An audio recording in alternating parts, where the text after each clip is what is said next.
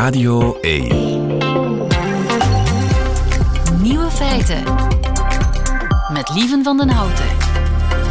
Dag en welkom bij de podcast van Nieuwe Feiten van 2 november 2022. In het nieuws vandaag dat slapen op uw linkerzij dat dat helpt tegen brandend maagzuur. Dat ontdekte dokter Schuitenmaker in Amsterdam. Hij is daar arts in het Universitair Medisch Centrum. In zijn praktijk zag hij vaak mensen met reflux, brandend maagzuur. En de klachten kwamen ook vaak s'nachts voor. Mensen die s'nachts last hebben van zure oprispingen hebben verschillende opties. Afvallen, stoppen met roken, minder alcohol drinken, het hoofdeinde van het bed verhogen en medicatie. Maar het kan eenvoudiger, ontdekte hij. Ze kunnen ook gewoon op hun linkerzij slapen. Schuitenmaker onderzocht 58 patiënten met ernstige maagzuurklachten door met een slangetje s'nachts de hoeveelheid maagzuur in hun slokdarm te meten. En wat bleek? Patiënten die op hun linkerzij sliepen hadden minder maagzuur in de slokdarm en het zuur vloeide ook vlugger terug naar de maag. Simpel, maar je moet er maar op komen. De andere nieuwe feiten vandaag. Een vogelaar uit Merelbeke ontdekt een nieuwe uilensoort. Bono van U2 brengt zijn autobiografie uit. En Rick de Leeuw vindt een nieuw woord voor mislukte futuristische plannen. De nieuwe feiten van Nico Dijkshoorn die hoort u in zijn middagjournaal. Veel plezier.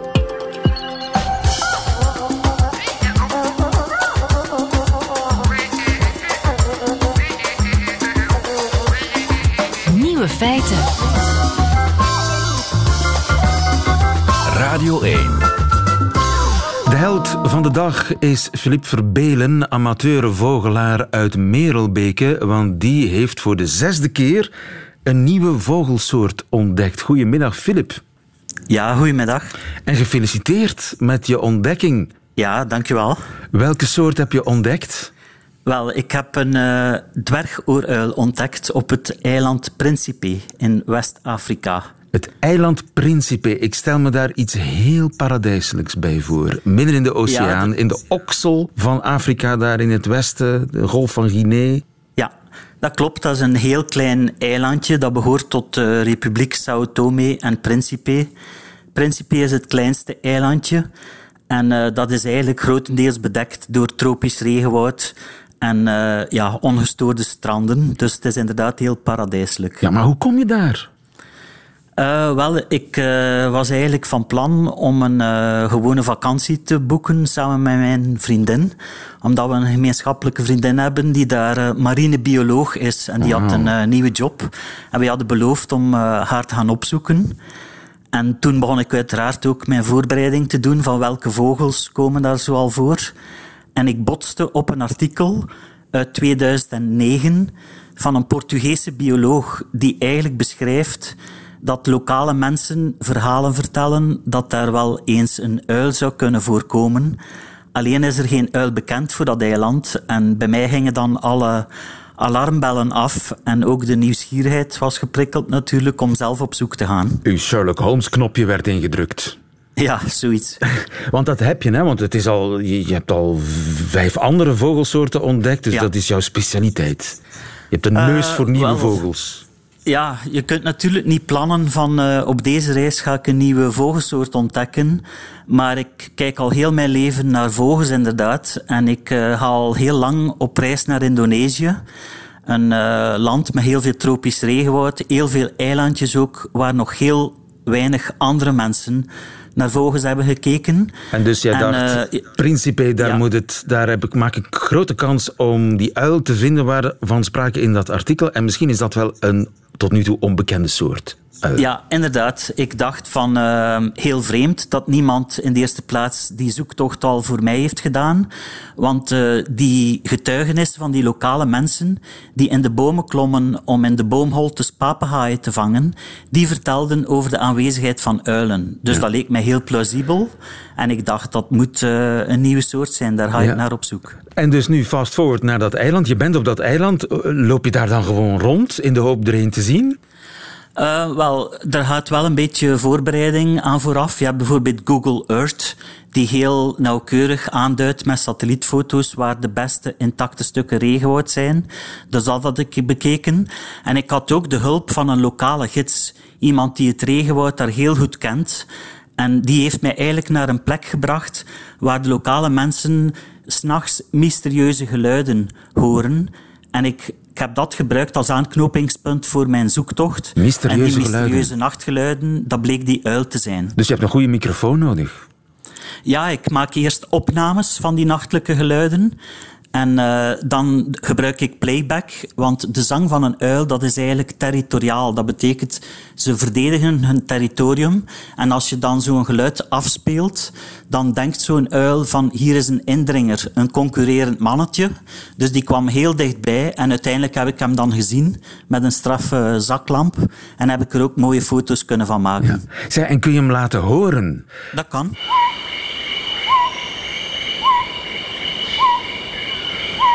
Wauw, dat is hem dus. En uh, heeft hij al een naam? Ja, sinds uh, de publicatie van ons artikel heeft die uil een Engelse naam, maar ook een wetenschappelijke naam. En die noemt Otus bikegila. En Otus, dat is eigenlijk het genus van de uilen, de dwergooruilen. En bikegila verwijst eigenlijk naar de bijnaam, de troetelnaam van de lokale gids die noemt Bikegela. Ja. En dat is eigenlijk de persoon die alle expedities voor de zoektocht naar die uil heeft begeleid. Ja, vooral duidelijk, jij bent geen wetenschapper, uh, maar jij mm -hmm. bent wel, jouw werk wordt wel wetenschappelijk bij deze wetenschappelijk erkend. Dat is nu officieel een nieuwe uil.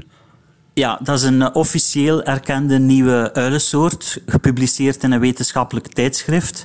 Nu, ik ben zelf geen wetenschapper of verbonden aan een universiteit of wat dan ook, maar de methoden die ik gebruik zijn wel dezelfde. En dat wil zeggen, alles wat ik verzamel aan gegevens is nadien verifieerbaar en is ook als experiment repliceerbaar. Iemand ja. anders kan naar dezelfde plek teruggaan uh, dezelfde opnames maken. Dus ik gebruik wel methodes die nadien bruikbaar zijn in wetenschappelijke publicaties. Ja, en het is natuurlijk belangrijk als we die soort willen bewaren, dat we weten uh, dat ze bestaat.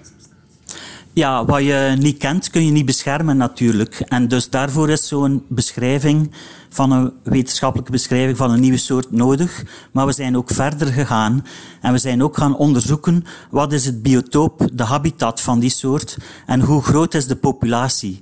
En onze conclusie is toch dat er nog meer dan duizend van die vogels voorkomen. Op naar de zevende vogelsoort te ontdekken door Philippe Verbenen. Nogmaals gefeliciteerd met je dwergooruil in Principe. Dankjewel. Ja, hartelijk dank hoor. Het ontbreekwoord. Rick de Leeuw gaat op zoek naar woorden die in onze taal helaas nog niet bestaan. En dat doet hij met succes, want hoe noemen wij voortaan iets erger maken door het proberen te verbeteren? Kapot verbeteren. Kapot verbeteren. Goed geantwoord, Ruud Hendricks. En goed geantwoord, Rick de Leeuw zelf. Goedemiddag, Rick. En goedemiddag, Ruud. Hey. Middag. Goedemiddag. Uh, Rick, jij bent de initiatiefnemer, de gangmaker, de aanjager van het ontbreekwoord. En Ruud Hendricks is de stille kracht, de, hoe zal ik zeggen, de jury. Onverbiddelijke jury. De onverbiddelijke jury die het enthousiasme af en toe wel een beetje tempert. Het enthousiasme dat Rick de Leeuw uh, in overvloed heeft. We zoeken nieuwe woorden. Welk woord zijn we op dit ogenblik aan het zoeken? Wat zochten we? Wat is de opdracht van vorige week voor de luisteraar van Radio 1? De opdracht van deze week was een woord voor al die schitterende, maar nooit verwezenlijkte utopische plannen uit het verleden. En de reacties waren talrijk, wederom gelukkig. Briljante, maar nooit verwezenlijkte plannen. Utopieën uit het verleden eigenlijk. Ja. Noem eens een paar reacties. Uh, ooitkomst, oitopie, nooitopie, hystopie. Oitopie. Och. Mooi hè? Oitopie. Futurisme. Fluturisme. Fluturisme. Flut, dat, is een, dat was een heel fluturistisch plan. Ja. Precies, ja. Een flutfuturisme, ja. Futudrama. Kortom, een brede stroom gesneefde, een brede stroom gesneefde dromen storten zich over ons uit. Maar Veel luisteraars richten zich niet op de mislukking, maar juist op de schoonheid van die enorme ideeënrijkdom uit het verleden. En verwezen daarbij regelmatig naar schilderachtige figuren uit onze oude en meer recente geschiedenis. Oké. En dat is een, een, eh, een, een schitterend zicht leverde dat op. Een greep uit de, uit de inzendingen misschien? Een top 6? Een top 6? Waarom niet? Waarom niet? Ehm, laat ik beginnen bij Jaap Heemskerk. Die heeft al vaker ingezonden. En dit jaar, deze keer kwam hij met. Dat is- Nostradamisme. ah, ja. Een Nostradamie, dat was een Nostradamie. Ja. Een voorspelling die niet uit is gekomen. Ja, maar dat Naar kunnen we de maar 16e hopen, eeuwse... Dat, ja, want sommige- er zijn mensen die beweren, ik ben geen specialist, dat Nostradamus het soms goed had. Hè? Dat hij sommige ja. dingen juist voorspeld heeft. Ik wil mij niet op glad ijs Nee, ik ook niet, begeven. maar... ehm, Dat, dat is meer het, het voorspellen. Dat is niet echt een plan. Dat is Ja. meer een, een ja. eh, glazen bolachtig Ja. iets. Ja. Ja, en- zijn voorspellingen waren, ook, voorspellingen waren ook zo dermate vaag... dat er altijd wel iets waars in zat. Ja, ik. zo kennen we ze. Laten we hem, eh, laten we hem eh, eh, passeren. Een Jules-topie. Jules Verne, Jules Topie. Precies, Michel Bavin komt met Jules-topie. Oké. Jules Topie. Ik zie, ik zie En dat- eh, twijfel bij... eh, Ja, ik vind het... Het, het, het, is, het, het behoeft altijd zoveel uitleg. ja, Jules Topie. Ja, eh, Van der Voogd, de schrijver van het boek Futurama, waar ik vorige week van, van sprak, die stelt trouwens zelf in het laatste hoofdstuk ook iets soortgelijks voor. Hij noemt het dan een Jules Vernetje. Ja, ja. Ja, ja, ja, ja, ja. Misschien iets te voor de hand liggend, ja. Nog? Mooier misschien dan is Bieke Wellens, Mhm. die het heeft over een Panamarenk. Dat vind ik fantastisch. Een Panamarenk. Hij Naar zou het het werk zelf... van de onvolprezen Panamarenko. Ja. Hij beweerde dat al zijn futuristische toestellen werkten. Hè? ja. Ik zou er niet hebben ingestapt. ik zou niet hebben meegevlogen, meegevaren. Dat zou ik, dat zou ik niet gedurfd Nee, nee, nee, Maar hij zelf beweerde van wel. Dus hij zal misschien zelf eh, niet zo blij zijn. Maar ik vind, Nee, maar goed, het- ik vind, hem, ik vind hem mooi, een Panamarenk. Ja, En maar dat maakt ik- het binnen ja. deze context juist heel eh, toepasselijk. Maar Ja. dan zou ik er toch het ooitje aan hebben toegevoegd. Een Panamarenkootje. Een Panamarenkootje. Zo, Maar dat is dan meer het kunstwerk zelf. Een Panamarenk. Ja, ja, ja. Oké. Panamarenk. ja, ja, nee, ik vind hem mooi. En Ja. het is dan misschien ook een werkwoord. Hè? Ik Panamarenk, jij Panamarenk, wij Panamarenken. Dat was een Panamarenk. Ik vind een mooi eerbetoon aan toch een van onze schilderachtigste Ja. kunstenaars. Zeker. eh, De zeer eh, Absoluut. gemiste en betreurde Panamarenko. Dieke Absoluut. Wellens, mooi. Eh, Niet alle inzendingen verwezen naar bestaande personen. Ik eh, heb hier bijvoorbeeld Erwin van der Vorst. Die komt met een uitvonding. een uitvonding. Waarmee een uitvinder plots een, verleden tijd blijkt te hebben. Een Erwin van der. Vorst is een grapjas. Hè? Ja. ja. Stijn Matthäus zegt Fata Futura. Fata Futura, dat klinkt zeer eh, gesofisticeerd. Ja, dat, ik denk dat je daar soort indruk zins- mee kunt maken als filosoof. Dat is een Fata Futura. Dat is een fata futura. Ik, het, het- mijn bezwaar een beetje tegen dat soort dingen is van... Ik vergeet steeds weer waar, welke klinker moet zitten. Dus zo de futu fotaru, futu... futu- Ja, ja van- het, is, het is moeilijk. Het Het is- echt ja. voor moeilijke mensen. Ja. Ja, maar het is zo- een Fata Morgana, maar dan in de een zinsbegoocheling in een ongrijpbare tijdsdimensie. Ik, ik, ik snap hem wel heel goed. Maar Ja. misschien is het te moeilijk om te onthouden. Maar ik vind een, een Fata. Ik vind het een tongbreker. Hè? Ja. Ja. Ja, maar eh, als je hem eenmaal, als je hem eenmaal kan, is hij toch mooi. Ja, ja. Ehm, jo Rijmen dan, die komt met een diggel-idee. Een diggel-idee. Ook zo'n mooie klank hebben, want je kan ook Juist. een diggel-idee zeggen. ja. Een diggel-idee, dat wankelt en dat, dat, dat grijpt zich vast aan de tijd, maar houdt zich niet eh, stevig genoeg vast. Verdwijnt in de plooien van, eh, van wat ooit had kunnen zijn. Een diggel-idee. Een Ik idee dat, eh, ja, gedoemd is om te verdiggelen, om aan diggelen te, te vallen. Ja. Het zit er allemaal in. Het zit er Ja. allemaal in. Mooie top 6, maar aan Ruud Hendricks de ondankbare taak. Sinds vorige week weten we dat hij alles mag overrulen. ja, maar deze keer ga ik Moeten we een Nederlands woord bedenken voor overrulen? doen. Hij mag alles aan de kant schuiven en zelf met een beter idee komen. Als, ik, als wij hem allebei dan... Dat is de regel, die we nu, de grondwet van deze Ja. rubriek, die we nu ad hoc aan het schrijven zijn. Als wij, Rick en ik, dan dat idee toch ook beter vinden, dan zijn we het met z'n drieën eens en dan wordt het... Maar goed, je gaat het deze week niet doen. triumviraat beslist. Nee, ik ga deze week niet doen. Je gaat er een kiezen uit de top 6? Jazeker. Oké. Ik vind het Digel-idee... Het Digel-idee. Ja, Dat vind ik echt wel heel geslaagd. Net omdat je zei van het is, het, er zit iets van die hoop in, van de, dat toekomstgerichte, van ik heb een fantastisch idee. En dan valt het als een pudding in elkaar. Of in diggelen en in duigen. Ja, en dus, eh, de klank is ook mooi, hè? klank idee is mooi. De D's, Ja. de, de, dubbele Ja. D en de, ja. De dubbele G. Het, het is ook mooi om... Het, het is beeld een is ook heel, heel mooi woord, vind ik. Jo Rijmen, ik weet niet of Jo eh, een, eh, van het mannelijke dan bij het vrouwelijke geslacht is. Dat is ook totaal onbelangrijk natuurlijk. Jo Rijmen, gefeliciteerd. Digel-idee is het nieuwe ontbreekwoord. Zetten we bij op de lijst. Rick, Een pareltje is het. een, Een pareltje. pareltje. We zijn heel blij. Rick, een nieuw woord graag. Een nieuwe opdracht. Juist. En dat komt van luisteraar Nel Everaert en haar dochter Nona. Die, die zijn namelijk op zoek naar een woord voor het volgende. Als iemand je vraagt of je het koud hebt, maar je hebt het niet koud, je hebt het niet warm, eigenlijk vind je de temperatuur helemaal goed, wat zeg je dan? Ik vind het lekker, maar dat kan je ook van een praline zeggen of van een kop soep. Eigenlijk zou er een temperatuur gerelateerd woord hier op zijn plaats zijn. Maar wat moet je dan zeggen? Ik heb het lauw, ik ben op een aangename temperatuur. Dat is het niet. Kortom, de opdracht voor deze week is volgens mij een hele mooie. Hoe noem je de temperatuur waarin je het niet warm, niet heet, niet koud hebt, maar eigenlijk precies goed? Precies goed. Maar de Zweden hebben daar een woord voor, hè? lagom. Dat is echt een heel typisch Lagom. Zweeds woord. Lagom. L-A-G-O-M. Lagom. Dat is precies goed. Dat is voor hen is dat, dat is een soort Zweeds ideaal. Niet te veel, niet En te waarom weinig. hebben wij dat dan niet? Tot nu toe hebben we dat niet. Maar de luisteraar van Radio 1 zal daar snel verandering in brengen. Toch? Ik vind dat een zeer goede vraag. En dat is echt zo'n zo'n probleem wat zich eh, op het moment dat je het, eh, eh, het zich aan je openbaart, is dat een woord waar je naar op zoek gaat. Dus eigenlijk hebben we een positief woord nodig voor lauw. Ja. Ja, ik weet niet of lauw het is. Lauw, lauw is en ook negatief. Een, hè. Is is een, lauw. een licht, Een beetje licht lauw. pejoratieve Lauw is, ja, lauw is, is, is, is, is vooral niet warm. Hè. Ja. We zoeken dus eigenlijk een Nederlands equivalent voor het Zweedse lagom.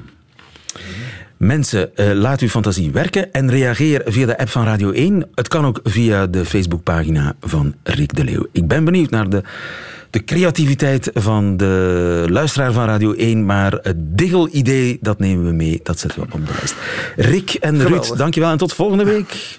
Heel graag, dank. Jop, daar.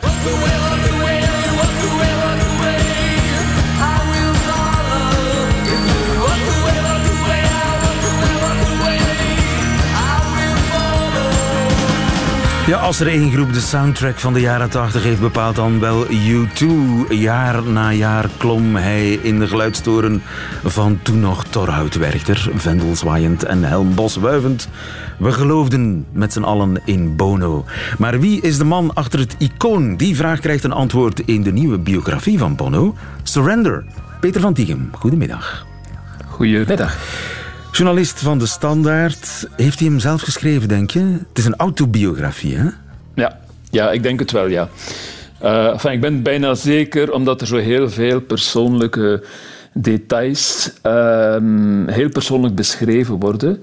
Ook omdat het een heel introspectieve eh, autobiografie is. En ten derde denk ik omdat de stijl eh, heel ambitieus is op het baroque af. En op het einde gaat hij compleet eh, uit de bocht daarin. Kortom, Bono niet goed. Maar, maar, maar dat, dat toont dat het van hem is, Ja. denk ik. Het, past helemaal, het is geschreven helemaal zoals je hem voorstelt. Ja. Hij was eh, in de jaren tachtig echt de posterboy. hè. Hij was een waanzinnige ster. Hij was een waanzinnige ster. Hij was eh, ehm, ja, een figuur die we wellicht eh, nodig hadden, die rock nieuwe energie inblies en die eh, ja, eh, op het podium een ge- waanzinnige uitstraling had. Waar, ehm, ik herinner mij de eerste keer dat hij op Rock Torhout kwam, en dat was heel vroeg op de dag, ergens rond twee uur. Hij stond als derde op de affiche, stel je voor. Hij blies gewoon alles weg, alles wat nog na hem kwam. Dus eh, dat is heel snel gegaan voor die groep. Ja. En het vuur op het podium, dat vuur heeft hij ook gebruikt om de, de, ja, de wereld te verbeteren, om te lobbyen. Hij heeft eh, iedereen ontmoet die er te ontmoeten valt. Hè? Ja, die dingen hebben allemaal met elkaar te maken, denk ik. In het boek ligt dat, uh, vertelt dat wel mooi, omdat je eigenlijk de hele tijd onder de gebeurtenissen, grosso modo gaat het eerste deel van het boek over de muzikale opgang van U2 en verschuift het accent dan naar de activist in Bono in het tweede deel van het boek. Maar daaronder zit een rode draad de hele tijd die de vraag stelt: wat drijft die man nu? Wat is het grote um, manco in zijn leven dat hij wil opvullen, als het ware? En zelfs schuift dus van in het begin de theorie naar voren dat het de dood van zijn moeder is op zijn veertiende waardoor zijn eh, leven als het ware een beetje tot stilstand kwam en hij altijd op zoek gegaan is naar een familie, naar ergens bij te horen. En die, als je dan het boek zo leest, dan volgen al die families elkaar op. Ja, dus hij kwam terecht bij zijn vader en zijn broer, een, een licht toxisch mannelijke omgeving. Dan zijn straatvrienden met wie hij allerlei uh, afspraken maakt over het leven. Dan heel vroeg zijn jeugdvriendinnetje, Alison Stewart, en haar familie, daar werd hij opgenomen. Dan was U2 ook een familie. En uiteindelijk werden al die wereldpolitiekers ook een soort familie, een clan waar hij eigenlijk mocht binnenlopen en die bij hem kwamen binnenlopen. Ja, want Gorbachev kwam bij hem over de vloer, hè? Op een bepaald moment kwam Gorbachev op bezoek in Ierland en stak hij gewoon door naar zijn uh, thuis. Dat is een hele mooie passage in het boek omdat daar getoond wordt hoe Bono meteen naar de achtergrond gedrongen werd door Ali, dus zijn vrouw, die Gorbachev confronteerde met een pleegkind dat zij had. En dat was een meisje uh, uit Tsjernobyl op kunstbenen. En Bono besluit wat hij van Gorbachev leerde, namelijk de wereld is uh, kneedbaar. Je kan de wereld veranderen. Dat was vrij vroeg. En zo overloopt hij de hele tijd de mensen die hem raad gegeven hebben. En dat zijn vaak hele grote leiders. Bijvoorbeeld van Martin Luther King is dat dan ken je vijand goed. Van Steve Jobs is dat je moet ook magie kopen. Um, Harry Belafonte was een van de belangrijkste, omdat hij hem zei: je moet kijken wat je gemeen hebt met je vijand. En dat was de, de, de het breekijzer voor Bono om na te denken om George Bush te bereiken. Omdat hij zei, wat wij gemeen hebben is religieuze bevlogenheid. We houden allebei van Jezus. We lezen allebei de Bijbel. Okay. En daarmee is hij binnengebroken in die Amerikaanse conservatieve wereld. Ja. Hij heeft de, de, de paus ontmoet, hè? Johannes Paulus II toen nog. Ook, ja. Ik herinner mij zelfs een, uh, een foto van de paus met de coole zonnebril op van Bono. Ja, Exact. Dat is dan ook Bono die uh, hij gaat soms in dat boek nogal tekeer. Woede is heel belangrijk voor hem. Woede dus uit onmacht. Ja. En dat is allemaal geen pose voor de PR? Die, die campagnes en dat lobbyen, dat is echt... Die woede is echt. Die is echt authentiek. Die komt voort, uh, zoals ik het toch lees, uit een soort onmacht. Um, en een, een, permanent schuldgevoel dat er ook de hele tijd uitkomt. En van de andere kant een enorme rebel, rebelse houding om er toch tegen te gaan. Dus ik had zo het gevoel, hé, dat is de man die s'avonds gaat slapen vol schuldgevoelens en s'morgens opstaat met de vaste intentie de, de stadspoort in te beuken. Ja. Maar hij is um, echt diepgelovig. Ja, dat, zit er toch, dat komt er heel sterk in. Dat legt heel duidelijk uit. Heel diepgelovig. Um, en inspireert hem tot heel veel zaken. Maar het is ook een, het is al, altijd het punkjongetje gebleven. Het is ook heel typisch dat hij naar al die grootheden, die politici gaat en hij doet geen pak aan, of nauwelijks. Hij houdt altijd die gekke bril op. Hij staat daar in een leren broek vaak erbij. En hij schimpt er ook op, hè, op de klootzakken in maatpakken die hij de handen moet gaan reiken. Dus het is een vrij eerlijke biografie, hoor. Ja, Punk Jezus, hè, als het ware. Wat ik zo bijzonder vind, is dat hij zowel zijn vrouw, zijn huidige vrouw, en zijn companen bij U2 al ontmoet als hij, wat is het, 16 is? Ja, ja, ja. Dat is uh, ongelooflijk. Dat is, op zijn veertiende verliest hij zijn moeder en er komt iets tot stilstand in hem. En hij omringt zich de hele tijd en hij blijft trouw. En het is mooi hoe dan op het einde uh, van het boek, wanneer hij eindelijk in het reinen komt met zijn vader, die hem eigenlijk altijd een beetje onderdrukt heeft in zijn gevoel. Maar zijn vader wordt dan ziek, krijgt kanker en ze beginnen elkaar te vinden. En op het einde komt hij dan weer los, als het ware. Kan hij weer verder gaan. En hij drukt dat uit door te zingen. Zijn vader zei in het begin, zijn vader was een hele goede zanger. Een tenorzanger.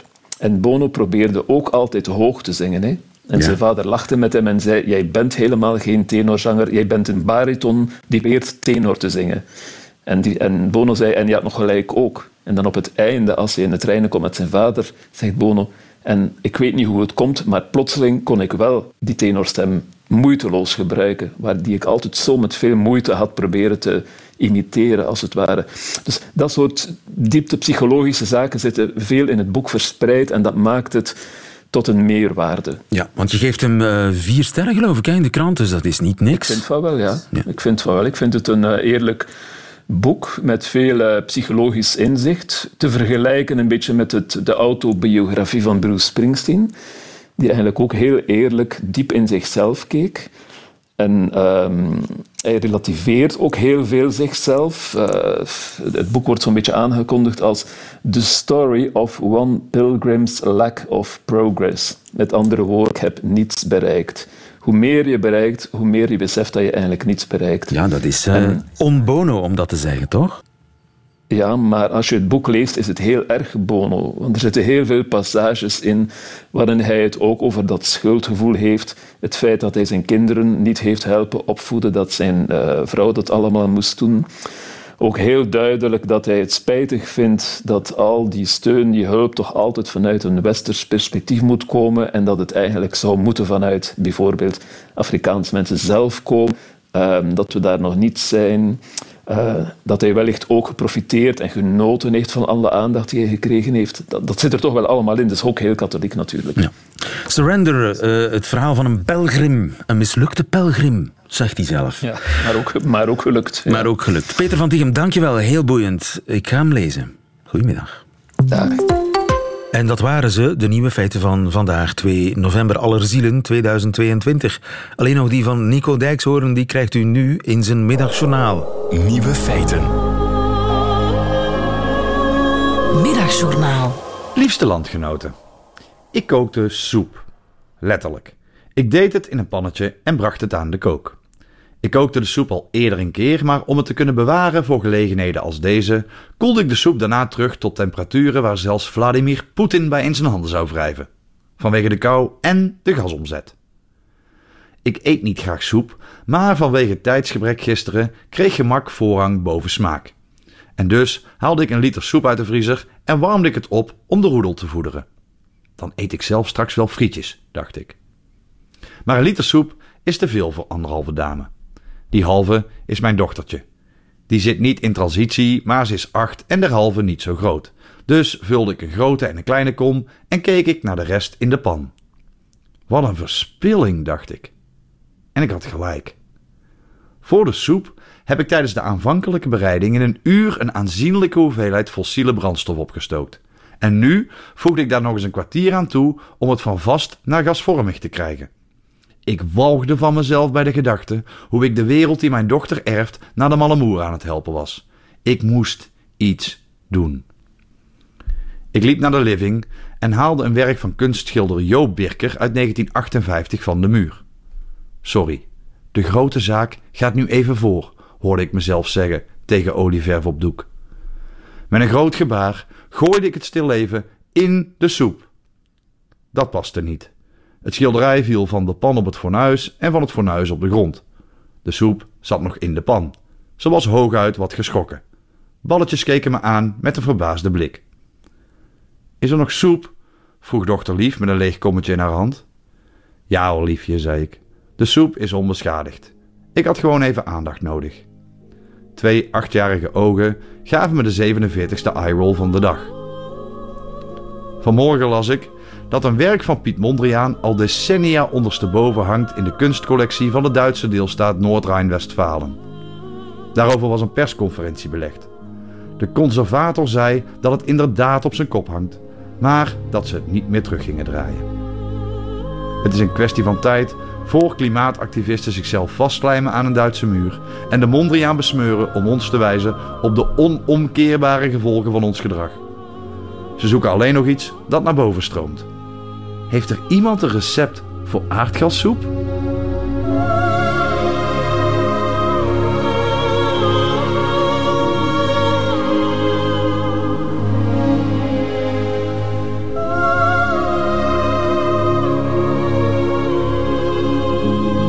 Middagjournaal met Nico Dijkshoorn. Einde van deze podcast. Hoort u liever de volledige nieuwe feiten met de muziek erbij? Dat kan natuurlijk live elke werkdag tussen 12 en 1 op Radio 1. Of on demand via radio1.be of de Radio 1 app. Tot een volgende keer.